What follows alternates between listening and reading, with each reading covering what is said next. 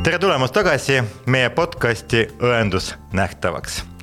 mul on väga hea meel täna äh, meie juures külas väga huvitav naine. ja, ja selle õppeasutusega tal on äh, väga pikk äh, ajalugu ja tänases saates kindlasti me esitame väga palju huvitavaid küsimusi ja, ja kindlasti me saame väga ka huvitavad ka vastused. aga täna meil on külas Tallinna Tervisekooli Kõrgkooli õppeprorektor Ulvi Kõrgemaa ning minu saate äh, juhi paariliseks on äh, Tallinna Tervisekooli Kõrgkooli äh, õenduse õppetooli juhataja Kristi Puusepp, tere. tere. tere ja mina jätkuvalt olen Aleksei Koidenko, äh, Tallinna Tervisekooli Kõrgkooli õppejõud ning Lääne-Tallinna Keskhaigla juhatuse liige. aga Ulvi, minu esimene küsimus. ma tean, et äh, kutsealalt sa oled õde, kuidas sinust sai õde? minust sai õde läbi juhuse. Nonii. mina olen kadunud äh, majandusgeograaf kuidas nii? sellepärast, et peale keskkooli läksin ma nagu valdav enamus, kes tahtsid kuskile edasi minna, läksin ma ka Tartu Ülikooli geograafiat õppima.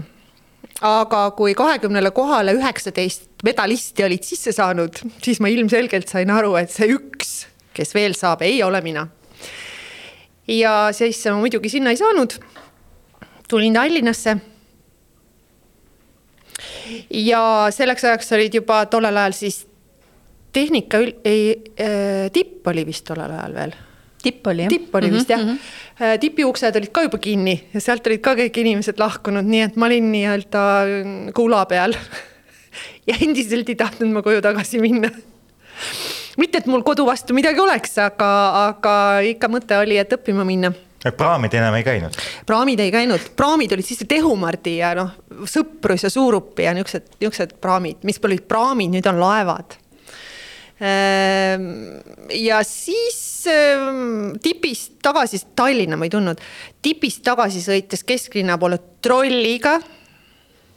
oli mul äh,, leidsin ma ajalehe kus oli sees selline kuulutus, et on olemas selline kool nagu Tallinna Meditsiinikool tulin maha bussi või trollipeatuses, mis oli siis äh, praeguses mõistes Kristiine, tollel ajal oli see taksopargi peatus.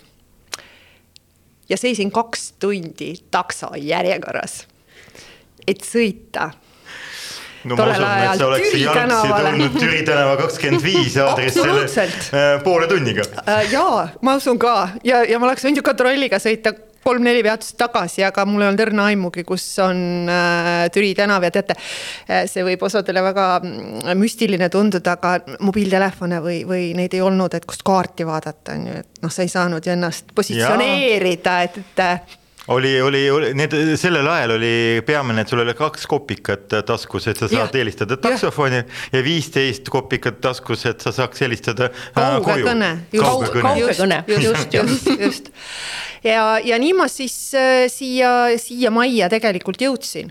et, et kõigepealt siis taksoga uhkelt äh, ette, tõenäoliselt oli see Volga ja, ja, ja siit edasi siis äh, sisseastumine, sissesaamine ja kooli lõpetamine ja siis juba see aasta ja kümme kuud tegi oma töö. nii et et, äh, et ma juba jäin Tallinnasse tööle ja juba Eesti Vabariik tuli ja, ja, ja, ja nii see asi oli. aga meenuta meile ja kindlasti kuulajatele, et äh, võrdle sinu õppeaeg ja praegune kool. Kus sa tahaks õppida rohkem, kas tänapäeval või maja on sama. mõnikümmend aastat tagasi, maja on sama, just, ka mina olen äh, selle maja selles mõttes kasvandik äh,, sama alustasin Türi tü,, mitte ei olnud Türi tänav, vaid Tüve tänav. Tüve tänav jah ja. mm. -hmm. Et ma nüüd ähm, väljendan oma e eakust vanust või, või mida iganes. nostalgiat ma, ma, ma valiksin selle, mis, mis tookord oli. sellepärast, et mul on ka teine kogemus, ma olen ju ka teist korda selle kooli lõpetanud. tasemeõpe siis? jah, aastal kaks tuhat kolm ja siis olid sina, Aleksei, minu õppejõud. ma just tahtsin öelda, oot, oot, oot, oot, kui ma võtan niimoodi klotsid kokku, siis tõesti Ulvi Kõrgemaa oligi intensiivõendus äh, loengutes. ja, ja, ja oli aga noh, siis äh, paraku ma võin öelda, et sa olid hea üliõpilane, kui sa niimoodi mulle kohe ei meenunud, et äh, sa äh, tahtsid korduveksami või, või, või muu asja, et noh, siis on, läks hästi sul. ma, ma, ma korra kuulajatele siin täpsustuseks, et tasemeõpe on siis see õpe, mis toob kõrghariduse õdedele, kes õppisid varem keskeri tasemel, et et ähm, siis ei olnudki muud võimalust. no tänapäeval kahjuks äh, seda, see võimalus kahanes, et äh, hetkel koolis ma saan aru, et äh, midagi veel toimub.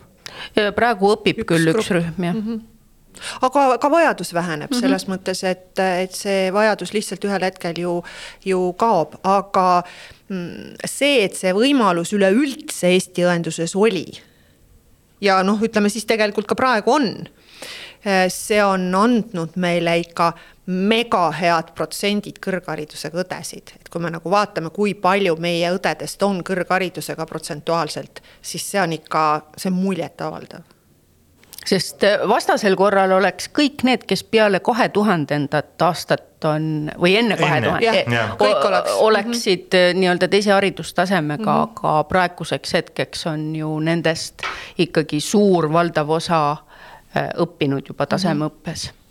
ja kuidas peale kooli, milline oli su professionaalne areng, et mis, kus sa töötasid? mina läksin, ma usun, et kooli ajal juba hooldajana tööle tollasesse vabariiklikusse neljandasse haiglasse nüüd me tunneme seda Magdalena üksus Ida-Tallinna Keskhaiglas. just, ka Magdalena haiglas olen ma töötanud ja ära tulnud siis, kui tast sai see üksus. et ähm, Äh, läksin sinna, olin gastroenteroloogia osakonna valveõde. siis, kui ma kooli lõpetasin. Äh, edasi ma, kuna öötöö mulle ei äh, sobinud inimesena, see kohe üldse mulle ei sobinud siis ma sain ähm, endokrinoloogia osakonda doktor Kerge juurde siis tollel ajal protseduuride ja, ja tegelikult jalakabineti õeks mõne aja pärast, et, et siis ma olin seal mäleta, mitu aastat, kolm või kaks või midagi sellist.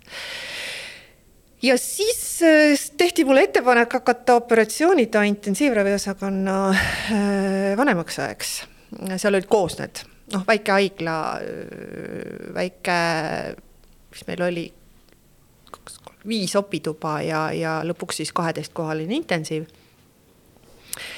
ja seal sai palju teha seal sai nagu, see, see oli üks, üks põnevamaid aegu äh, sellest äh.... see oli üleminek, seal, kus suhteliselt intensiivravi arenes ja, ja, ja, ja väga palju nagu projekti võtti, võeti ette, arendati ja, õendust, ka õendus ka arenes. õendust ja Just. kuigi ma, tuleb tunnistada nüüd äh, takkajärgi vaadates siis selles endokrinoloogia osakonnas, seal oli õendus selles kaasaegses tähenduses, päriselt meil oli vanem õde see, kes, kes kes, kes oli päriselt vanem õde, kes hoidis osakonda korral, arstid tegid arstitööd ja õed me... tegid õetööd. ma Sorry, ma kommenteerin seda, et äh, Ulvi kasutab sellised ametinimetused nagu äh, vanemõed, et võib-olla tänapäeval äh, noored isegi ei olegi võib-olla seda kuulnud, et nad on harjunud rohkem, et õendusjuht mm. -hmm. et aga vanasti tõesti oli kasutusel sellised ametid nagu äh, vanemõde, äh, ülemõde ja nii edasi, see on ka näitab niinimetatud selline õde, kes äh, oli juhtpositsioonis mm. -hmm. jah, sest noh, meil oli ju vanemõde. jah e. ja nüüd mu mõttelõng läks katki jah, et sa oled intensiivravis opitoas arendanud ja, ja, ja, ja, ja. mis oli nagu see, võib-olla see kõige suurem arendus oli see, et tuli äh, sterilisatsioon ja kogu see, see sterilisatsioonisüsteem või, või noh, kogu no, see. see oli ka see aeg, mis ju arenes ja, hästi jõudsalt, et nendest kuumkappidest ja Eh, vanadest autoklaavidest said ikkagi kaasaegsed autoklaavid. kogu see süsteem, kogu see äh, pesusüsteem, pakendamine, kõik see, me olime need esimesed, esimene, üks esimesi haiglaid ju, kes selle Šveitsi projektiga seoses selle sai et äh, et noh, selle kogu selle asja ülesehitamine oli, oli äärmiselt raske, sest noh, päris ausalt, me ei saa mitte midagi alguses ju aru, mida me tegema peame või mis sellest tulema peab. Aga me saime sellega hakkama ja, ja kõik need haiglad, neid oli vist seitse tollel hetkel, kes selle, selle projektiga kaasa, kaasas olid ja kõik me saime sellega hakkama. Aga noh, sa oled nüüd Lääne-Tallinna Keskhaiglas, tollel ajal opituba kasutas Läänehaigla äh, sterilisatsiooniosakonda öösel õhtul läksid äh, siis pakid äh, sinna autoga steriliseerimisse ja hommikuks toodi nad tagasi et opituba saaks hommikul alustada ja kui sa siis hommikul tulid kella seitsme ajal tööle ja avastasid, et need pakid on märjad. mis sai siis? Kas opiplaan oli tagasi lükatud? ei, ei, opiplaani ei lükatud tagasi, meil oli alati tagavarakomplektid äh, olemas, nii et me sellise hädavajaliku saime alati ära teha, meil oli nagu tagavar, me olime arvestanud sellega, et, et sellises äh, ebanormaalses äh, situatsioonis võivad niisugused juhtumid tekkida jah, see temperatuuri vahe ja, ja, ja, ja selge, et. keset mhm. talve nojah, see mhm. tänapäeval ka samamoodi, et tegelikult kaasaegne sterilisatsioon äh, arvestab ka sellega, et äh, tegelikult äh, tööruumid ei, ei tohi temperatuuri kõigumine olla rohkem kui mõni kraad, sellepärast et me ei pruugi silmaga näha, tänapäeval on paberkomplekt pa,, mm -hmm. paber pakkimine ja, ja kondensaat tekib ju instrumendi mm -hmm, peale. aga ma, kui ma mäletan hästi siis äh, Magdalena haiglast su teekond tuli. siia. siia majja mm. -hmm. mis aastal kaks... sa tulid äh, Tervishoiu Kõrgkooli? kaks tuhat kolm. neli, kaks tuhat kolm ikka. kas sa oled juba kakskümmend aastat? ja, ja, ja ikka, ikka. ja milline teekond oli siin majas? Siis sa juba teadsid, kuhu tulla, ei olnud enam vaja taksot oodata, eks ju. ja ma käisin ju tollel hetkel äh, selles tasemeõppes mm -hmm. ehk siis kõrgharidust mul ei olnud. aga äh, kandideerisin ma siia siis õpetaja koha peale ja muidugi ma teadsin, ma ju õppisin siin ja ma olin siin ennem ka õppinud, ehk siis mul on Tallinnas üldse kaks maja, kus ma olen õppinud ja töötanud, üks on siis Kärnu kuuskümmend seitse ja teine on Pärnu maantee sada neli, mis on siis Magdalena maja, et mul, mul rohkem neid töö ega õpikohti õppimise kohti on olnud ja, ja, ja töökohti ei ole olnud. ma mm -hmm. nagu tuletan veel meelde. ja, et sinna me jõuame, eks. ja, ja, ja, ja tulin õpetajaks äh, tollel hetkel kutsekooli mm,? ju. kaks tuhat kolm või? ja, ja kaks tuhat viis sai äh, kõrgkooliks. kõrgkooliks mm -hmm., okei okay. ja, ja siis kohe sellel samal sügisel olid suhteliselt suured äh, muutused äh, majas äh,. nii et Elina Periga koos me tulime äh, ja, ja Merike Kravets, me nagu kolmekesi koos tulime, Merike küll juba mitmendat või teist korda. aga meie siis Elinaga esimest korda. ega me teineteist ei tundnud, me lihtsalt sattusime ühte ruumi ja, ja kuna siin oli selliseid muutusi, siis said meist kuu aja pärast äh, minust praktikakoordinaator ja Elinast õppetöö koordinaator ja, ja Marika Asperg oli siis, äh, sai meie ülemuseks õendusõpetuse juht äh,? siis oli õenduse ja ämmaemanduse osakond, koos olid. just mm. -hmm, jah, ja siis oli väga kibekiire sügis, sellepärast et uus amet ja uued, uued asjad, uued suhted, uued äh, otsimised täitsa, no õppekavast ei teadnud ju mitte kui midagi, et kui sa haiglast tuled, oled teinud üksteist aastat, ma olin haiglas tööl. et siis ei saa ikka aru õppekavast küll alguses. ja aga närisime ennast sellest läbi ja sama aasta lõpus ma siis ka lõpetasin juba tasemeõppe ja sain, sain kõrghariduse kaks tuhat kolm. ja tegelikult te alustasite ju ja tegelikult juba sellel ajal õeõpe on, oli juba kutsekõrgharidus. ja, ja, ja kõrgharidusõpe ja, ja me läksime kohe ju esimesele akrediteerimisele Just. institutsiooniga, sest kaks tuhat viis sai ju äh, kõrgkooliks ja siis me sai, kaks tuhat viis oli ju nimemuutus nii et kohe, kui ma lõpetasin äh, selle kooli kõrghariduse õeõppes, läksin ma magistrisse Tallinna Ülikooli, haridusteaduste magistratuuri. no veel üks aadress ja,. jah, jah. Narva maantee. Narva maantee ah.. Viru äh, ringi peal oli see kool, kus ma käisin, muuseas seda maja ei ole enam. no seal on äh, mingi, mingi kaubanduskeskus ja, praegu just, ja, ja, ja seinad ja, on ees. jah, aga et... nendes äh, kõverates treppides. just, aga tegelikult äh, äh, meenutades Äh, seda ajalugu, siis ma küsiks võib-olla tõesti provokatiivselt äh, su käes, et äh, mitu akrediteerimistsükli sa oled kahekümne aasta jooksul siin läbinud?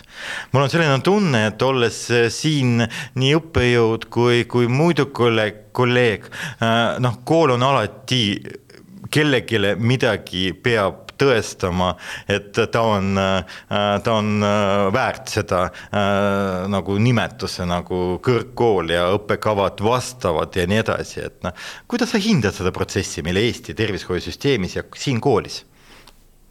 Ma, ma olen alati öelnud või no mitte alati, aga siis, kui ma hakkasin asjast, sellest asjast aru saama, et Eesti kõrgharidus on tõenäoliselt ühes, ühe, ühe parima kvaliteediga, sellepärast et seda kvaliteeti lihtsalt hinnatakse lakkamatult ja kogu aeg, et mitte kellelgi ei ole siin võimalustki kuidagi ennast lõdvaks lasta, sellepärast et sa tead kogu aeg seda, mis oli just ja, ja järgmine on sul nagu kohe ees, et, et sa elad kogu aeg selles tsüklis, et ühest väljud ja teise sisened.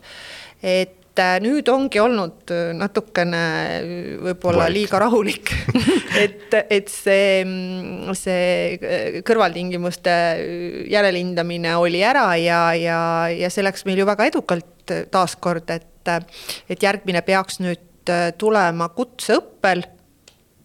kaks tuhat. kuus või seitse? kuus. jah mm -hmm. ja, ja kui nüüd neid kõrgharidusega kokku ei saa, siis tulevadki need eraldi kutseõpe kaks tuhat kuus ja kõrgharidus kaks tuhat seitse. Mhm. et aga neid aastaid, kus ei ole mitte mingit hindamist olnud, on selle kahekümne aasta jooksul olnud üksikuid. et ma, ma pigem ütleks nii et, äh, et noh, eks ka see äh, õige hindamissüsteemi otsimine riigis on võtnud aega. et mis see õige tsükkel on ja kas õppekavad eraldi või õppekavad äh, koos institutsiooniga ja, ja, ja kõik see on tegelikult nagu loksunud paika, ma loodan nüüd, et, et leidnud siis oma need õiged pesad aga kuidas kujunes sinu karjääriredel siin majas? kaks tuhat viis sa oled Äh, praktika. kaks tuhat neli. kaks tuhat neli äh, praktika koordinaator. jah, no siis oligi see esimene akrediteerimine, kuhu ma sattusin ka niimoodi sisse, et et sama ootamatu kui õppekava oli minu jaoks, oli ka siis see akrediteerimine, sest noh, ettevalmistus oli ju tehtud, et, et Maie Ruussaar ja, ja Reine Kadastik ja kõik, kõik, kõik need kõik prouad mm, jah, olid prouad. ju ette, Virve Lillendi ja. ja olid ju ja, ja muidugi Ülle Ernits, kes, kes seda siis kõike vedas, et, et see ju kõik oli, oli ju tehtud, aga siis, kui see komisjon kohal oli, siis olid ikka jalad nõrgad ja, ja siis oli esimene kohtumine professor Koksiga, ma arvan, et teiegi kõik teda mäletate järgnevatest kordadest, et et tegime, andsime endast parima ja, ja, ja, ja läks võib-olla mitte nii hästi, kui me, kui me kõik lootsime, et algul me saime ju kolm aastat ja, ja siis need üleminekud kõik siis see kõrgharidus, kõrg või rakenduskõrgkooliks äh, formuleerumine ja nii edasi ja nii edasi ja siis tegigi pärast seda hindamist või akrediteerimist tegi siis äh, Ülle Ernits mulle ettepaneku, et kas ma olen nõus tema tiimis äh, töötama. Ja ja ma siis äh, ikka nii nagu kõik äh, kohad vastu võetakse sellises võib-olla algul natukene rumala peaga, et. et võib-olla see mõte ei ole alati nii selge, mina võin küll takkajärgi öelda, et, et et kui sa nagu, sulle tehakse ettepanek, siis see emotsioon ja see on minust küll üle alati olnud, et, et, et ma küll mingit kainet kalkulatsiooni ei, ei oska teha, et oh, nüüd selline ja siis ma teen nii ja siis ma olen selline ja ma, ma lihtsalt ei ole niisugune. aga kirjelda palun meile Tallinna Tervishoiu Kõrgkooli õppeprojektorit. kuidas sul tundub, milline ta on? see on, see ei ole hea küsimus tavaliselt öeldakse, et see oli hea küsimus. aga ma ütleks, et see ei ole hea küsimus aga ei, mis, mis ta ikka on, et ähm, proovin anda endast iga päev parima ja, ja, ja, ja püüan olla oma, oma siis ütleme bürokraatilises mõttes alluvatele hea kolleeg. et et me oleme tegelikult, ma olen vähemalt püüdnud, ma ei tea, Kristi võib nüüd tõestada või ümber lükata või üldse mitte midagi ütelda. et, et, et ma olen küll proovinud nagu äh, hoida sellist meeskonnatööd ja hoida kõiki kambas ja, ja, ja katsuda koos asju otsustada. aga kui ma tunnen, et mul on õigus ja, ja teised ei jõua mulle järgi mingil põhjusel või on eest ära läinud, siis ma, siis ma olen võimeline ka ütlema, kuidas kuidas asjad on, ehk siis ka otsustamine ei ole mulle võõras. julgen otsustada. ja kinnitan seda kõike, mida, mida sa praegu äh, ütlesid, et, ähm, et võib-olla lisaks siia juurde selle mm, sihukese äh, läbikaalutletud äh, otsustamise, et noh, ükskõik, on see otsus suur või väike või mõjutab ühte või, või sadu või noh, meie kõrgkoolis ju tuhandeid inimesi, eks ju. Et kõik need on tegelikult mitte niimoodi umbropsu või, või noh, et selle esimese tunde pealt. Ja, ja kui, kui see tunne ka on näiteks muutumas, ütleme, selguvad mingid asjaolud, et, et alati on ka nagu see julgus teha seal korrektiive nendes, nendes esialgsetes otsustes võib-olla üks asi, mida on kolleegid minu kohta öelnud, et kui on mingisugune otsus vaja teha või, või mingisugune probleem on õhus, siis äh, ma ei mäleta, kel-, ma ei ma ei oska tsiteerida, ma ei tea, kes, ma ei mäleta enam, kes seda ütles, aga, aga keegi on kunagi küll mulle öelnud, et noh, mis ta te ootate, ta niikuinii otsustab nii, nagu tudengitel on parem. et, ähm, et niikuinii ju teeb, ta, ta niikuinii vaatab ainult tudengite poole. et ähm, no jaa, aga siin kohapeal ma kindlasti meie kuulajatel on äh, ka küsimus, et jah, kõrgkool on selge kõrgkool, äh, õppejõud on selge, see on see inimene, kes on klassi ees. kes on õppeprorektor? mis roll on õppeprorektoril? et nüüd ma mõtlesin sellele eile et mis see siis see minu töö on, üldse nagu mitte selle, selles kontekstis, äh, aga meil oli eile paar kohtumist sellist, kus, kus tulid ka nagu probleemid välja ja, ja, ja tahes-tahtmata üks pool on see probleemide lahendamise koht, et kui on ikkagi midagi äh, ma ei taha öelda pahasti ja ma ei taha probleemi nagu halvas mõttes ei too üldse välja, kui on midagi, mida, mis vajab nagu parandamist, et noh, siis need sekkumised on küll need, millega, millega ma kas nüüd just igapäevaselt, aga peaaegu igapäevaselt tuleb tegeleda. Ja tuleb ka tunnistada, et mida aastad edasi, seda rohkem on nii tudengid kui ka tegelikult õppejõud valmis oma äh, oma huvide eest seisma, et, et mis on tegelikult ka hea ja mida ma, mille üle mul on hea meel, kuigi igasugune vaie või, või probleem, mis su ette tuleb, esimesel hetkel äh, nagu mõtled, et no mis nüüd siis jälle. aga, aga iga selline probleem äh, viib jälle asja edasi, et sa saad jälle asjale sisse vaadata, sellele asjale ja, ja tegelikult see viib ju edasi aga muidugi ka selline noh, noh, see, see on üks osa tööst, aga muidugi ka selline mm, kogu see arendustegevus, kuhu me liigume, kuhu me suundume, kuidas õppekavad, kuhu nad üldjoontes arenevad. et, et iga see spetsiifika, iga oma õppekava spetsiifika, neil on oma õppejõud, oma juhid, eks, et, et see niikuinii, aga sellised üldised suundumused. see kindlasti ka. kas võib näiteks tõmmata paralleeli avaliku sektorist, näiteks ministeeriumist, et äh, minister on nagu pea, noh, ministeeriumis. me võime siin tuua nagu rektor on ministriga positsioonis. aga tegelikult äh, me teame ju, kes ministeeriumi juhib, ju kantsler. mina ei tea et kas me võime näiteks äh, nagu pakkuda sellist äh, lahendust või, või, või, või et äh, õppeprojekt ongi tegelikult äh, noh, koolijuht koolikantsler. natuke, mm, natuke selles mõttes äh, mingil määral kindlasti võib neid äh, tööalaseid äh, kohustuste paralleele tõmmata. aga üks kindel erinevus on, et, et ministrid võivad lahku, võivad lahkuda päevapealt aga rektor. poliitiline ja, koht jah. ja just, aga, aga rektor on selles mõttes nagu äh, areng on garanteeritud nagu selles ametiaja lõikes, et noh, selles mõttes on nagu ikkagi igasuguses kõrgkoolis või ka kool, või koolid on vist nüüd tähtajatu töölepingu, no vahet ei ole.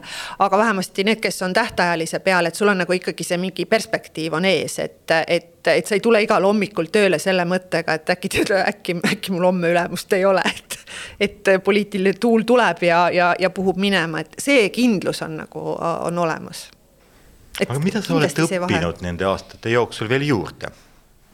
lisaks magistrikraadile sa mõtled, mida ma ise juurde olen õppinud? ise ja, ja tegelikult ma, ma mõtlen, et ma võtsin seda teekonda, et jõuda sinu praeguse nagu staatuseni, et üliõpilaste nimekirjas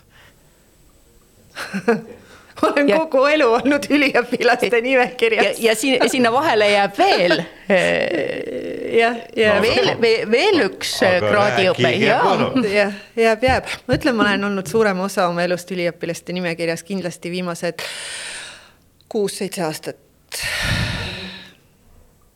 äh, ühel hetkel ma läksin õppima äh, õigusteadust kas tahtsid kohtunikuks saada, advokaadiks? ei äh,, ma tahtsin ennast juriidiliselt äh, harida.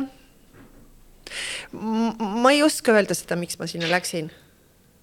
ma ei, ma ei tea, ma arvan, et pigem endale tõestama seda, et ma olen võimeline õppima ja, ja, ja minu sellises äh, lapsepõlve vaates või, või üleüldse nagu vaates on kaks äh, õppekava, millel õppimine on kohutavalt raske, üks on, no ma arvan, et see on nagu ühiskonna kuvand, ma ei tea, kas see tõsi on.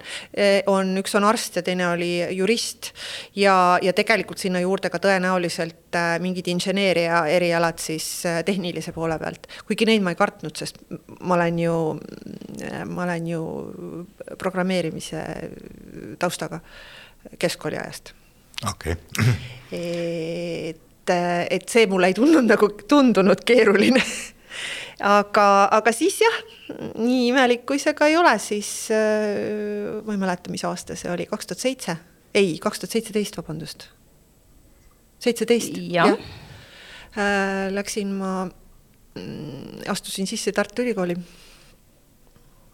kui sisse sain, rääkisin kodus ka äh, ja, ja siis järgmise viie aasta jooksul siis kõigepealt baka ja siis magister otsa. nominaalajaga mm,? ei kujuta ette, isiklikult ei kujuta ette, aga see on, see on tõesti suur väljakutse. see oli suur väljakutse ja, ja, ja ma mäletan umbes kolme korda, kui, kui ma mõtlesin küll, et see ei ole normaalne. esimene kord oli see, kui Kaude Aamust tuli pähe õppida, kolm salmi igas salmis, neli rida igas reas, kaks kuni kolm sõna. selleks kulus mul sõit Saaremaale autoga ja tagasi. Ladina keeles? Ladina keeles jah no,. originaalis. ja, ja, ja ikka mul ei olnud see veel peas. ja siis ma mõtlesin küll, et see on lootusetu ettevõtmine, see oli esimesel semestril. aga ei, see ei ole tegelikult lootusetu ettevõtmine, et ma julgustan nagu kõiki, minge, minge ja õppige, et selles mõttes ka õppige pähe see arendab aju ja, ja see näitab, et on võimalik ka, ka täiskasvanuna õppida asju ja neid meelde jätta, mitte ainult aru saada ja siis sellest edasi konstrueerida mingeid äh, arvamusi, arvamusi. Jah, aga, aga jääb pähe ka No. ma tahan öelda veel, et kui palju tegelikult tulvi õppimisest on olnud ka teistel kolleegidel äh, kasu. et noh, just nimelt seesama juura, eks ole, mis nagu võib-olla tundub esialgu, et, et noh, mis asja, et see, kuidas see tervishoiuga seotud on või missuguse erialaga meil seotud, see on kõikide erialadega mm -hmm. seotud. kooli dokumentatsioon, noh, kasvõi ka kirjavahetused või, või meie juhiste tegemised, et et noh, see, see, mida me oleme kõik nüüd läbi selle ka teada saanud, selliseid erilisi nüansse mitte lihtsalt vaadates mingisugust dokumenti kui dokumenti ennast, aga, aga natukene nagu sinna sisse ja, ja laiemalt seda pilti näha, nii et ka meil on kasu olnud. Mm, väga tore. aga sellest nagu ma saan aru, ei piisanud ei äh, piisanud, tegelikult ma jah, kui sa nüüd rihid äh, doktoriõppele, siis äh, enne seda, kui ma sinna juurasse läksin, olin ma ka ju doktoriõppes käinud Tehnikaülikoolis, aga aga ju ei olnud aeg õige, et ained ma seal läbisin ja eks ma ikka targemaks, ma kujutan ette, et sain ka. aga siis elu ja, ja tegemised pakkusid välja võimaluse Tallinna Ülikoolis siis doktoris alustada sotsiaaltöös. ja, ja seda siis ma ka alustasin no,. ma olin magistri esimesel kursusel, kui ma alustasin siis. paralleelselt. doktoriõpinguid mm -hmm. Aga noh, minu eelis oli see, et ma olin tõesti ju Tehnikaülikoolis äh, aineid läbinud äh, ja, ja mõningad ained ma sain sealt ka üle kanda, nii et, et mul nagu sellised metodoloogilised alused ja need olid ju, ju läbitud, et, et seega nagu väga. mida sa uurid? Äh, ma tegelikult äh, jätkan seda uuringut, mis on, äh, mis on juba kaks korda läbi viidud, ehk siis see on siis õdede uuring Eestis äh, NÖÖS projekti kaudu, mida Ülle Ernits on läbi viinud siis aastal tuhat üheksasada üheksakümmend üheksa, kaks tuhat üheksa ja mina koos siis kaks, koos Ehasaluga jah ja. mm, -hmm, Anne Ehasaluga. ja mina siis äh, võtsin ta kaks tuhat kakskümmend üks, me natuke lükkasime seda edasi, sest see Covid ju tuli, et tegelikult oleks pidanud natukene varem see uuring olema. aga, aga oli kuidagi mm, me pidasime nagu mitte kõige õigemaks Covidi ajal veel mingite küsitlustega õdesid ähm, äh, koormata, koormata. Ja, ja need on siis äh, tegelikult õdede vaade siis oma tööle, kui ma niimoodi väga üldistatult ütlen, et, et, et nende arvamusi äh, siis, siis nende uuringutega Äh, me uurisime. kas esimesed kokkuvõtted on juba olemas? ja tegelikult on kaks artiklit ilmunud, üks Aha. on siis patsientide heaolu õdede vaatest ja teine on õendushariduse tagasivaade, mida õed arvavad oma haridusest ja kolmas on äh, kirjutamise, ma loodan, lõppjärgus, mis on siis äh, õdede töökeskkond töökeskkond, töökorraldus ja, ja organisatsioonikultuur ja selle, selle mõju siis äh, nende, nende arvamusele.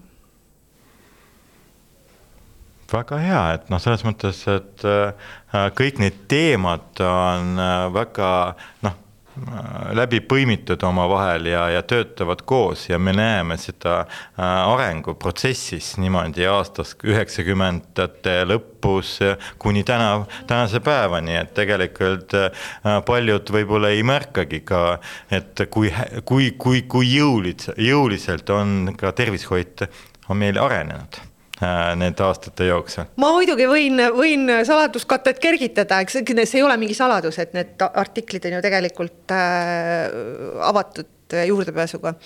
et äh, ega õdede arvamus väga palju muutunud ei ole mm. -hmm. tuleb tunnistada tõde. et, äh, et ikka on ühed ja samad äh, mured, mured jah, et see täna on ka. mis õdede peamised mured täna on? No ma ei saa seda sellist konkreetset järeldust äh, tegelikult äh, praegu veel nüüd selle uuringu põhjal teha, et. et aga, aga üks on küll see, et see, mis on nüüd täna või paari viimase nädala jooksul ka ühest ja teisest allikast äh, minuni jõudnud, on see õdede-patsientide suhtarv ehk siis laias laastus õdede töökoormus. et, et see olenemata asjaolust, et voodikohtade arv on langenud, õdede arv on tõusnud, õdede arvates lõhutan õdede arvates, nad on ise öelnud, et meil on rohkem õdesid, meil on vähem voodeid, meil on rohkem arste. aga me ei, meil ei ole piisavat äh, õdede-patsientide arvusuhet vaata haiglas, sa Aleksei vaatad praegu sellise näoga, eks ole, et mina julgen öelda siin, et võib-olla see, see põhjus on natukene ka selles, et haiglate struktuurid on muutunud. jah noh, subjektiivne arvamus, see on õdedel on ju su, see ja. subjektiivne, et noh, selles mõttes, kuidas ja. nad tunnevad seda, et noh, neil nende töö intensiivsus ja, ja, ja nii edasi. on osakondade asemel keskused, kliinikud ja noh, tähendab, sa, sa tunnetad oma seda mm, vajalikkust terves selles äh, struktuuris, eks ju et kui, kui varasemalt olid osakonnad ainult, kus reeglina noh, palju seal oli, kümme, viisteist, mõned suuremas osakonnas, kakskümmend õde, siis nüüd on nendes keskustes ja kliinikutes ju sadades, suurte haiglate puhul näiteks. kas see võiks olla põhjus? Mm, jah, et ma tõesti praegu tõesti võin äh, ainult arvata, et äh, kust äh, võivad need arvamused tekkida, et tõesti noh, tööstruktuur on ka muutunud. ja kirjandus ütleb ka, et, et tegelikult õdede töö on, on, on muutunud ja patsiendi see spetsiifika on muutunud, patsient on ka täna teistsugune. teadlikum. Mhm. teadlikum, aga ka patsientide käive on oluliselt suurem, ehk siis. et kui me mäletame, kui meie esimest korda tööle läksime haiglasse, siis, siis kui patsient sisse tuli, siis ta kuu aja pärast heal juhul lahkus, eks. et ilmselgelt on ju püsiva patsiendiga osakonnas oluliselt ma ei saa, ma ei taha nüüd öelda, et lihtsam no, või vähem no, tööd selline..., aga ta ei ole sulle uus kogu ja. aeg, on ju, et sa, sa tuled äh, val-, tööle ja, ja sa oled teda ennem näinud ja, ja, ja lõpuks on nagu tuttavad juba sul osakonna sees. täna ju sellist asja enam ei ole või on väga üksikutes kohtades, aga tavalises statsionääri osakonnas ju palju no, on voodipäeva, kaks-kolm ja vahetus. jah, pluss on see ka, et äh, keskmine eluiga ja. kasvab, et see patsientuuri struktuur mm, -hmm. kes on täna tihti satub haiglasse, on noh, suhteliselt kõrgeealine suhteliselt kõrgeealine, kaheksakümmend pluss on täitsa üheksakümmend pluss, äh, noh, kõrge enesehooldusdefitsiidiga mm, -hmm. et noh, siin ongi äh, tõesti, et äh, õdedel võib-olla ongi arvamus, et mina tulen ja teen oma protseduurid ära mm -hmm. ja, ja, ja ei pea nii palju suhtlema, kuna patsient on nooremapoolne, mõistab kohe, saab aru ükskord ja nii edasi, aga noh, patsient on ka muutunud täna ja sa pead suhtlema, sa pead suhtlema iga päev ja võib-olla mitu korda ühte sama asja rääkida. Ja, ja, ja nii edasi, nii edasi, et noh, loomulikult, et äh, igal, igal ajal on oma, omad probleemid. ja, aga üks asi, mis, mis nüüd küll minu artiklitesse ei, ei mahu äh,, aga mis uuringust ka välja tuli ja noh, milles ei ole ka midagi üllatavat, on see ju, et õdede keskmine vanus tõuseb ja, ja tööstaaž ehk siis äh, van-, õed vananevad, see see on vale väljend, ma tean. juba ma sain pahandada ka, et ei tohi. aga mõte jääb samaks. mõte jääb samaks, meie vananeme, eks õed ka vananevad, aga tegelikult on see ülemaailmne probleem ja, ja maailmas äh, luuakse programme ja leitakse võimalusi, kuidas need aging nurses saavad äh, töötada, mis väärtust nemad annavad tervishoidu ja, ja, ja mida, mida nemad saavad teha nii, et nende tervis säilib. aga et nad saaksid panustada nii kaua, kuni nad seda soovivad, aga seal on eraldi programmid. senioor, senioorid. jah, just, just, aga neid koolitatakse eraldi selles mõttes, et äh, mingisugusest hetkest pakutakse neile eraldi koolitusprogramme ja, ja pakutakse ka, ühesõnaga arutletakse selle üle, mis on see töö, mida nemad teha võiksid, et nad saaksid anda võimalikult palju aga ma mõistan, et äh, kui vaadata kooli, kõrgkooli äh, aruannet, siis me näeme, et sisseastujate mm -hmm. keskmine arv, keskmine vanus tõuseb ka. on tõuseb mm -hmm, ja, ja, ja väga paljud tulevad teise hariduse mm -hmm. järgi mm -hmm. õeõppesse, sellepärast noh, õe, õeõpe või mitte ainult õeõpe, tervishoiu valdkonna õpe on tegelikult väga hea investeering mm, -hmm. kuhu sa saadki endale nelja aastaga või kolme aastaga sellist haridust, millega sa saad veel järgmised kakskümmend viis aastat teenida leiba. oota, kui vanalt selle peab saama, et kakskümmend viis aastat? no kui ta tuleb näiteks kolmkümmend viis, nelikümmend õppima, mm -hmm. siis ta veel saab äh, ilusti äh, nagu teenida mm, -hmm. aga ta on juba nelikümmend mm -hmm.. ehk see on selles mõttes, et ta ei ole kakskümmend äh, kes tuleb kohe peale koolipinki niimoodi ja, ja kus need, kus need noored kaovad miks me, miks meie õed, õe, õe, õeskond vananeb? kuhu noored kaovad see on see, et äh, kust raha tuleb ja kuhu tolm, ei, kus, kuhu raha läheb ja kust tolm tuleb mm. -hmm. et kuhu on noored õed kadunud?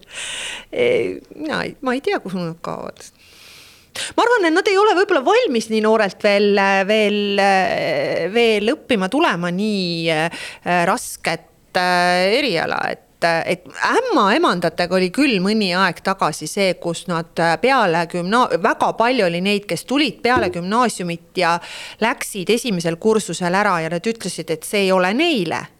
sest nad ei saanud aru, mida nad õpivad ja, ja kui nad olid, äh, oli läinud mingi neli-viis aastat mööda, nad tulid tagasi ja neid on ikka, neid on kuskil hinnanguliselt vist umbes kümne ringis, kelle, kes on nii teinud aga ma tahan öelda ikkagi, et eh, ega meil tulevad eh, noored ka õppima ja eriti selle suvise vastuvõtuga, kui gümnaasiumid eh, lõpetavad suvel siis sisseastujate hulgas on noh, ma ei oska nüüd niimoodi protsenti öelda, aga, aga ikkagi valdav on need, kes on siis kas kohe lõpetanud või aasta või kaks tagasi.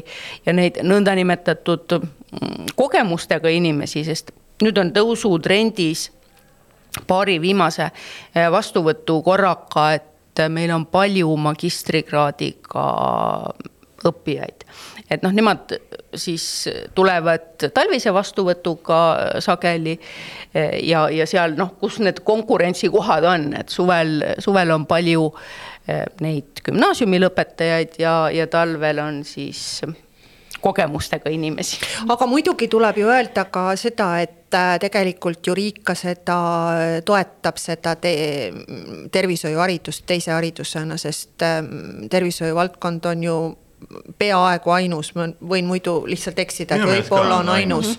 et äh, kuhu saab tulla teisele kõrgharidusele ilma, et sul äh, mingid sanktsioonid sulle kehtestatakse. on vaja nominaal, nominaalaega oodata ja mingi kaks nominaalaega. kümme aastat on vist järgmisest aastast on vist ära fikseeritud see aeg. Okay.. Mm -hmm.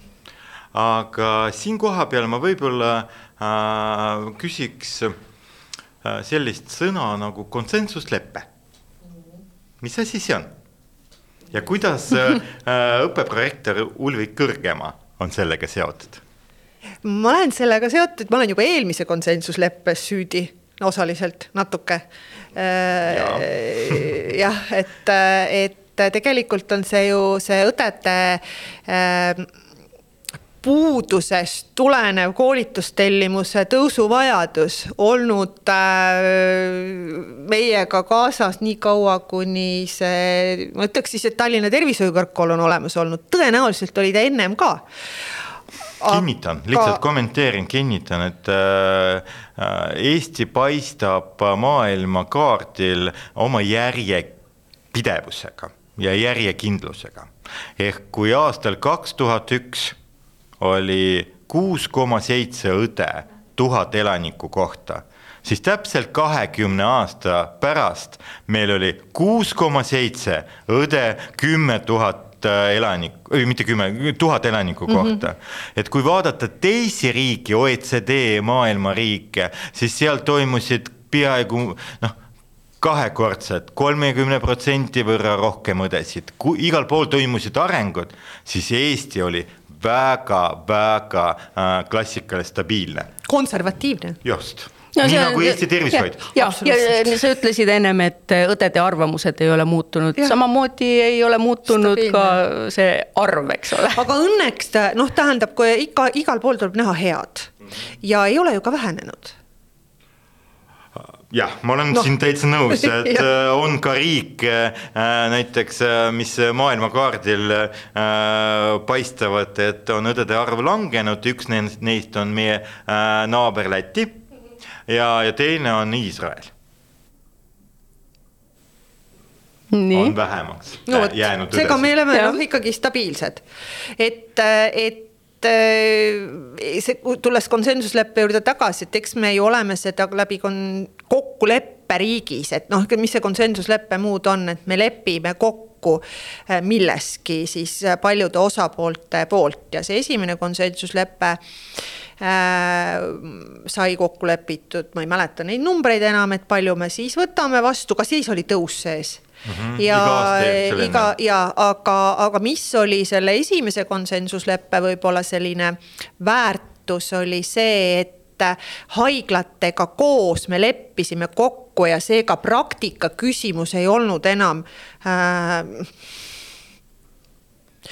ei olnud enam äh, selline jah, jah, see ei olnud see, milles me, mille üle me nagu kogu aeg pidime diskuteerima, et äh, me kõik kõik äh, teadsime, et see on ja see on nagu vääramatu jõud, nad tulevad. Äh, ütlen ausalt, kuna ma olin teisel pool lauda mm. tol hetkel ka seotud konsensusleppega äh, haigla esindajana, siis ma mäletan seda aega äh, kui me nagu turul kauplesime mm. -hmm. kauplesime praktikatunni hinna mhm. ees kes on viiskümmend senti, kes on kuuskümmend viis, kes on kolmkümmend kaks ja, ja iga haigla äh, mõtles, et mitu praktikakohta, mis, millise hinnaga müüb mm. -hmm. ja see esimene konsensuslepe oli selles mõttes äh, võit on see, et haiglavõrgu arengukava haiglad äh, üksmeelselt loobusid äh, praktikaõppe äh, tasudest mm. -hmm ja, ja pluss on see, et kuna konsensusleppe osapooled on äh, ministeeriumid ehk Sotsiaalministeerium, Haridus-Teadusministeerium ning Haiglate Liit ja koolid või Õdede Liit hoopis. haiglate liit ja Õdede Liit ka. koolid ka jah konsensusleppes ja, ja, ja ikka, ikka. Mm -hmm. vot ja siis ongi selline kokkulepe, kuidas see äh, nagu õdede ämmemandate äh, õppekohad ja, ja, ja praktika on korraldatud, aga konsensuslepe kaks. ja me saime nagu selle, ma, ma ka, see teine tuli nagu sinna veel täienduseks ju juurde, ma mõtlen just sellest omavahelises suhtlemises ja ma ei taha öelda nagu läbi, mul ei ole head sõna, läbisaamine pole ka, me oleme kogu aeg hästi läbi saanud, aga aga me olime nagu, enne me ikkagi olime nagu ühel pool, üks ühel pool, teine teisel pool lauda, et äh, siis me saime selle laua ümmarguseks. no vot, see ongi see konsensus, eks. ja see ongi see konsensus, et, et, et, äh, et me enam ei arutanud mitu kohta ja, ja mitu raha ja nii edasi, et. ja see teine konsensuslepe siis äh, sai sõlmitud kahekümnendal aastal või? umbes jah. ka või ühe, jah. nüüd vot nüüd on küsimus. no vot nüüd on küsimus suurele ringile. mul on see tegelikult täiesti olemas, aga ma ei leia seda kindlasti üles, aga no kuskil sealkandis ta ja all kirjas no,. tegelikult neljas aasta. ei, ei ole. ei, ei, see oli äh, no allkirjastatud kakskümmend, kakskümmend kaks, kaheksateistkümnendal. märts ei ole? veebruar. veebruar, ma mäletan aasta algust. just täna on ja. ju pea, peaaegu. jah ja. mm -hmm. Kak, kaks aastat tagasi. jah mm. -hmm. et seal sai siis kokku lepitud õdede arvu tõus, et esimesel aastal siis kakskümmend kaks, kakskümmend kolm oli veel kuussada kahe kooli peale kokku ja, ja siis edasi seitsesada ja nüüd see aasta, järgmine aasta on siis veel konsensusleppega kaetud Äh, kusjuures äh, selle sees oli ka praktikarahad, mis siis kaks eelmist aastat on nüüd tulnud äh, Sotsiaalministeeriumist ESF-i React projekti rahadest. ja sellel aastal tulevad ka lihtsalt masinavärk või bürokraatia värk veel toimub, aga, aga tuleb ka, kohe varsti tuleb ka ja aasta algusest uuesti makstakse täpselt samasugustel tingimustel nagu siiamaani see on väga hea sõnum äh, meie kolleegidele, kes ja. on tegelikult, äh, on väga tänulikud ka, et nende panus on ka äh, märgatud ja, ja, ja haiglad on, see ei ole mingi märg-, selles mõttes suur summa mm, -hmm. aga see on selline noh, tunnustamise mm -hmm. hetk, et ka seda panust äh, märgatakse. ja see on selles mõttes on küll Sotsiaalministeerium on teinud äh, märkimisväärse töö selle, selles osas ära, et, et jah, ma olen nõus, see summa number on, selle üle võib alati vaielda ja me võime vaidlema jäädagi. õiglast ei leiagi. jah, ja, ja mm -hmm. aga, aga ta on olemas ja, ja, ja see süsteem toimib ja, ja tegelikult õdede õppe rahastamine jällegi Haridus-Teadusministeeriumi poolt täpselt samamoodi, et, et kõik see nagu toimib väga-väga äh, hästi, et, et selles mõttes on küll hea meel. et me oleme nagu poliitikaülesed, et, et õnneks tervishoid on praegu selles seisus, et, et äh, tervishoiuharidus. just tahtsin öelda, kas tervishoid või tervishoiuharidus? no tervishoiuhariduse järgselt siis, äh, siis tervishoid, nii palju, kui meie sinna saame panustada, sest ma olen alati öelnud, me oleme ainult vahepealne etapp et, et meie ainult äh, teeme seda, mida Eestis on tervishoiul vaja. et meie koolitame seda ja niimoodi, nagu tervishoiul on tulevikus vaja, et me oleme ainult hüppelaud vahepeal. Nad tulevad sealt, kust nad tulevad, hüppavad siin korra on ära ja siis lähevad, lähevad sinna. miks nad siia üldse tulid? Nad ei tule ju kooli õppima sellepärast, et koolis õppida. Nad tulevad ju kooli selleks, et tervishoius töötada mitu, mitu podcast'i on meil tehtud meie äh, üliõpilastega, äh, meie endiste noh, vilistlastega ja, ja kõik ütlevad, et äh, no Tallinna Tervishoiu Kõrgkool on megakool ja kus tahetakse õppida ja kus tahetakse tulla. aga ma küsin, et juhi üks ülesanne on strateegia ja, ja unistused millist äh, kooli näeb prorektor Ulvi Kõrgemaa äh, kahekümne aasta pärast? ai, ma just muuseas rääkisin sellest ja ma olen sellest ennem ka rääkinud, see on nüüd puhas õppekava, õppekava teema või õppekava arenduse teema, et ma unistaks sellisest koolist, kus selle, seda, mida õppida, otsustab õppejõud ma, ma, nüüd üldistan õppejõudu, õppejõudu laiemas mõttes, et noh, ikka, ikka meie ka, et noh, õppejõud nagu laiemas mõttes. aga seda, kuidas õppida, otsustab üliõpilane et see oleks, see oleks minu jaoks see, see, see ideaalne variant, et me praegu kempleme aeg-ajalt selle üle, et kas, kas veebiõpe, kas e-õpe, kas, kas Zoom'is või Zoom'i taga, kas klassiruumis või, või Simus või, või, või mida iganes.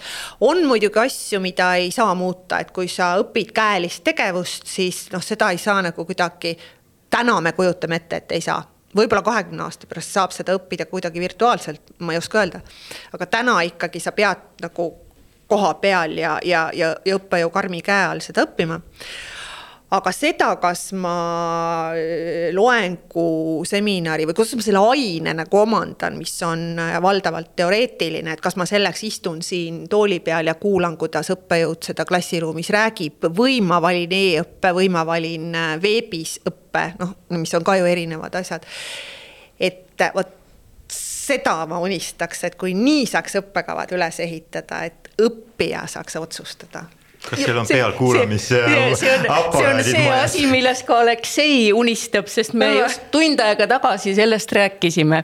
ja just, et, et kuidas, kuidas võiks olla nii-öelda selline virtuaalne ja, ja no, ise, ise, ise juhtiv. ained on samad aina elluviimise metoodika on erinev ja õppija otsustab, kuidas no, mina õpib. ütlen ausalt, et äh, mis minu nagu unistus on see, et äh, tegelikult äh, see virtuaalkabinetis võikski olla õppetöö, kus on ka ühtne, mitte õppejõu selles mõttes keskne äh, aine edastamine, et igaüks interpreteerib omamoodi äh,, kes on tugevam äh, ühes osas või teises osas. Ja siis tegelikult me lõppude lõpuks ei tea mis see noh, lõpp-produkt on. Et aga minu mõte on tegelikult see, et tulevikus võikski olla see, kogu õppekava on standarditud üles ehitatud äh, seal virtuaalses kabinetis, kus ongi äh, õppe, õpilane õpib ära äh, vastavalt vajadusele need teemad, mida tal on vaja on miinimumprogramm, on maksimumprogramm, mida iganes, kes tahab natukene rohkem spetsialiseeruda äh, ja nii edasi. ja siis äh, esiteks koolil on hea, et tal on kabinet, kus on äh, vastavalt tingimustele ka noh, õppekavale kõik need loengud, me teame, mille, mida, noh, saadetakse ühtemoodi. aga sa pead otsustama, sa pead, sa pead õppijana saama otsustada kuidas mina õpin? Äh, jah, et noh, see on juba äh, prorektori unistus. Äh, tavalise see... lektori unistused äh, natukene väiksem sest no miks ma seda, miks ma, ma seda nii veenvalt räägin, on see, et kuna ma ise ju oma, tulles tagasi juuraõpikutesse, siis juurabaka äh, kolmanda kursuse pealt kukkusin ju mina Covidisse selles mõttes äh, täpselt, et ma lõpetasin ju Covidi ajal ja mulle nii, nii kohutavalt sobis see veebis õppimine. ma arvan, et ma õppisin sellel ajal oluliselt rohkem kui seda äh, tooli nühkides äh, Kaarli puiesteel. mitte, et see oleks kuidagi halb olnud, sellest ma sain alles tagantjärgi aru, et niimoodi arvutist loengut kuulates ma õpin lihtsalt ise palju rohkem. mis ei tähenda seda, et äh, mul kursusekaaslasele kõigile see sobis, kaugelt sellest no kindlasti ja mina olen see õppejõud, kes eelmine nädal keelas äh, Zoomis äh, tundi andma mm -hmm. ja mhm. ütlen, et kas tulete kohale ma tean või tulete eksamile. vaata, õppeprorektor teab neid asju, kui õppejõud keelab midagi sa küsid, mis ta teeb, vaata seda ta teebki, et ta teab ah,. ta saab, ta saab teada ikkagi. ta saab teada aga kuulge, no mega, noh, mega hea tund oli, ma ütlen ausalt, et mul oli väga hea meel äh, koos teiega vestelda ja, ja, ja ma tänan Ulvi äh, selle meeldiva tunni ees ja, ja väga meeldiva vestluse eest, aga lõpus ma lihtsalt küsin su käes millest unistab Ulvi? kas sa tahad tänast unistust või homset unistust või? Ulvi, millest sa unistad? mina, ma tahaks, et mul oleks rohkem aega nende asjade jaoks, mida ma tahan ka teha mitte, et mulle ei meeldiks see, mis ma teen, et mulle ei meeldiks minu töö, et mulle ei meeldiks see, need õpingud mm, ma vist küll loengusse enam ei lähe küll kun, mitte kunagi õppima, et seda, seda ma nüüd mõtlesin eelmine semester, aga ma tahaks, et ma, et mul oleks aega rohkem tegeleda mm, käsitööga. et ähm, kuigi ma näpistan, näpistan et, et jah, mulle see, mulle meeldib, ma, olen, ma ei tea, kolleegid teavad, jah, Kristi teab ja. kindlasti, sina kindlasti ei tea, et ma olen, mulle kohutavalt meeldib ja, ja ma olen suhteliselt palju seda teinud, ma koon Haapsalu salle.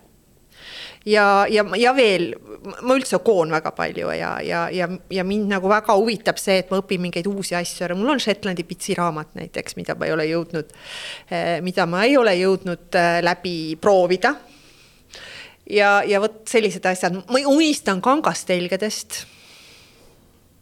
aiatööd?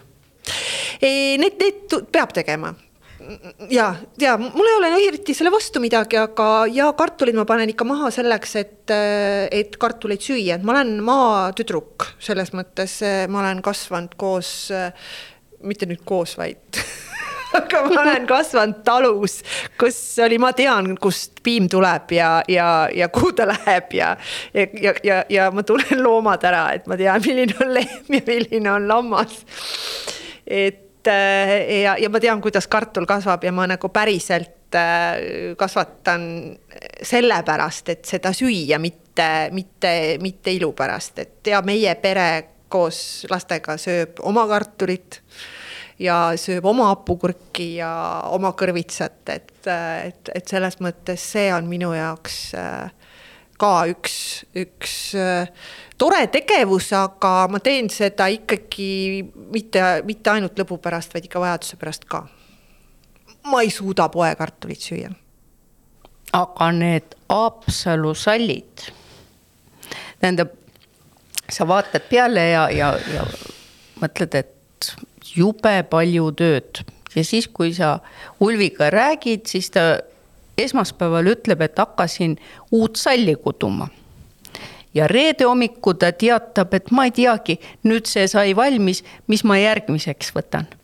et kui sa nüüd kujutad ette, et sinna vahele mahub õppeprorektori töö ja sinna vahele mahuvad need hulganisti läbitud kraadiõpped, siis kui palju aega on sul juurde vaja? sa ütlesid, et aega võiks alati rohkem olla. No ma olen suhteliselt väikse unevajadusega ka muidugi, et ma väga palju ei maga. Ja no ma magan normaalselt. Ma ei ole mingi nelja tunni magaja, vaid ikka ma magan normaalselt, aga mitte väga palju. Ja lennukid, sa ju ise tead et.... jaa sest äh, ime, kuidas need lennukid õhku tõusevad üldse, aga Ulvi võtab alati juba enne seda, kui, kui me hakkame startima, siis äh, mitmed read on tal selleks ajaks kootud. Yeah.. et, et need tunnid lennukis äh, mööduvad kududes ja samal ajal filmi vaadates. jah, vastab tõele. Suur tänu, Ulvi Kõrgemaa äh, ning äh, edu sulle, jaksu ja soovime ka meie poolt ja tänada sind, et sa leidsid äh, sellel äh, ajal, kiirel ajal äh, tund aega meie jaoks ja väga meeldivaks ja huvitavaks vestluseks aega. aitäh. aitäh. aitäh aitäh podcasti Õendust nähtavaks äh, kuulamas ja aitäh Kristi Puusepp ja siin teiega olin ka jätkuvalt Aleksei Kaidenko, Lääne-Tallinna Keskhaigla õendusjuht ja Tallinna Tervisekõrgkooli õppejõud.